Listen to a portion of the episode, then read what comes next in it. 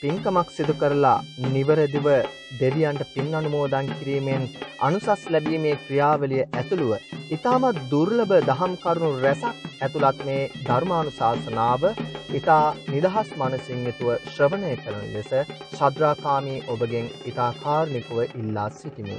තෙරුවන් සරණයි. සිල්රැක නිසා අපි කල් ගණන් සංසාරයේ වින්දා වූ අසිරිමත් ජීවිත නුවණින් දකින්න.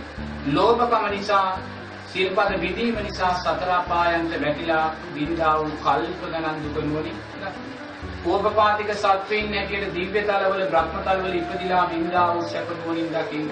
ඕපපාතික සත්වයින් හැටියට නිරේ ඉපදිලා සතර අපායේ ඉපදිලා දුන්නා වූ දුක් නුවණින් දකින්න. ඒ වගේම අතීතයේ රහතන් වහන්සේලා සෝවාන් සකෘදාගාමි උත්තමයන් හිටියායි කියන තැන ඉඳලා මටත් මේ ජීවිතේ සෝවාන් ඵලයටපත් වෙන්න පුළුවන් කියන ඡන්දයේ විශ්වාසය. ඉතින් ඒක මාත්‍ය මුල්ම භාවනාවට පිටින් මොනින් දකින්න. තේරෙනවද? ඕක කවදාකවත් නොදක අපිට මොන භාවනාව කළත් වැඩක් වෙන්නේ. ඔය සම්මාදිට්ඨිය ජීවිතයට එකතු කරගත්ත තැනදී ඔය සම්මාදිට්ඨිය ආර්ථය විසින් මුළු ආරෂ්ඨාංගික මාර්ගයෙන් වැඩෙනවා. වැඩිලා සම්මාදිට්ඨිය විදර්ශනා නුවණින් දකින්න තැනදී සතර සතිපට්ඨානය සප්තබොධ්‍යංගයන් පංච උපාදානස්කන්ධය අනිත්‍යභාවය සියල්ල මුදලින් වැඩි.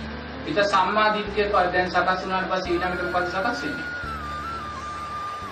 සම්මාදිට්ඨිය සකස් වුණාට පස්සේ මොකද සකස් වෙන්නේ? සම්මා සංකප්ප. සම්මා සංකප්ප කියන්නේ මොකද්ද? අවිහිංසා සංකප්ප, අව්‍යාපාද සංකප්ප, නික්කම් සංකප්ප. අවිහිංසා කියන්නේ යා කාටවත් හිංසා කරන්නේ නැහැ. එයා වචනයකින් ඉරියව්වකින්වත් එයා කාටවත් හිංසා කරන්නේ නැහැ. ඒතර අව්‍යාපාදයේ කියන්නේ එයා කාටවත් ද්වේෂ කරන්නේ, ලෝභ කරන්නේ, ද්වේෂ කරන්නේ, ක්‍රෝධ කරන්නේ, වෛර කරන්නේ. ඇයි ඒ නොකරන්නේ? ඇයි නොකරන්නේ? සම්මාදිට්ඨියෙන් එයා පරිපූර්ණයි. දැන් එයා දන්නවා කර්මය කර්මඵල විශ්වාසය තියෙනවා කියලා. යහපත් දෙයක් කළොත් යහපත් විපාකයක් තියෙනවා, අයහපත් දෙයක් කළොත් අයහපත් විපාකයක් තියෙනවා කියලා එයා මැරිලා පටිච්ච සමුප්පන්න උපතක් තියෙනවා වැරදි කළොත් ඒ උපත දුර්වල වෙයි කියලා. ඒ නිසා එයා වැරදි කරන්නේ නැහැ. නෙක්ඛම් මේ අතහරිනවා මොනවද එයා අතහරින්නේ? ලෝභ, දේශ, මෝහයන් අතහැරලා අලෝභ, ආදේශ, මෝහයන් තුලට එනවා. ඒතකොට දැන් එනවා සම්මා සංකප්ප වැඩි කුමක් නිසාද? සම්මාදිට්ඨිය පරිපූර්ණයි. සම්මාදිට්ඨිය පරිපූර්ණ නැතුව සම්මා සංකප්ප වැඩිද? ඉතින් මේ මාර්ගාංග දෙක වැඩුණාට පස්සේ සම්මා වාචා කම්මන්තෝ ආජීවෝ කියන සීලයට අදාළ අංග තුනම වැඩි. එහෙනම් සමාජයේ මිනිස්සු සිල්පද බිඳිනවා නම් සිල්පද බිඳින්න එපා කියලා කිව්වට ඒක නොබිනයි නේද? ඇයි සිල්පද බිඳින්නේ?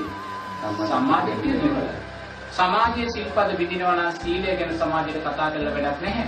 සම්මාදිට්ඨිය අර්ථයන් ගැන කතා කරලා. ඒ දැන් මේ මාර්ග අංග පහක් වැඩුණා හයවෙනි මාර්ගාංගය මොකක්ද?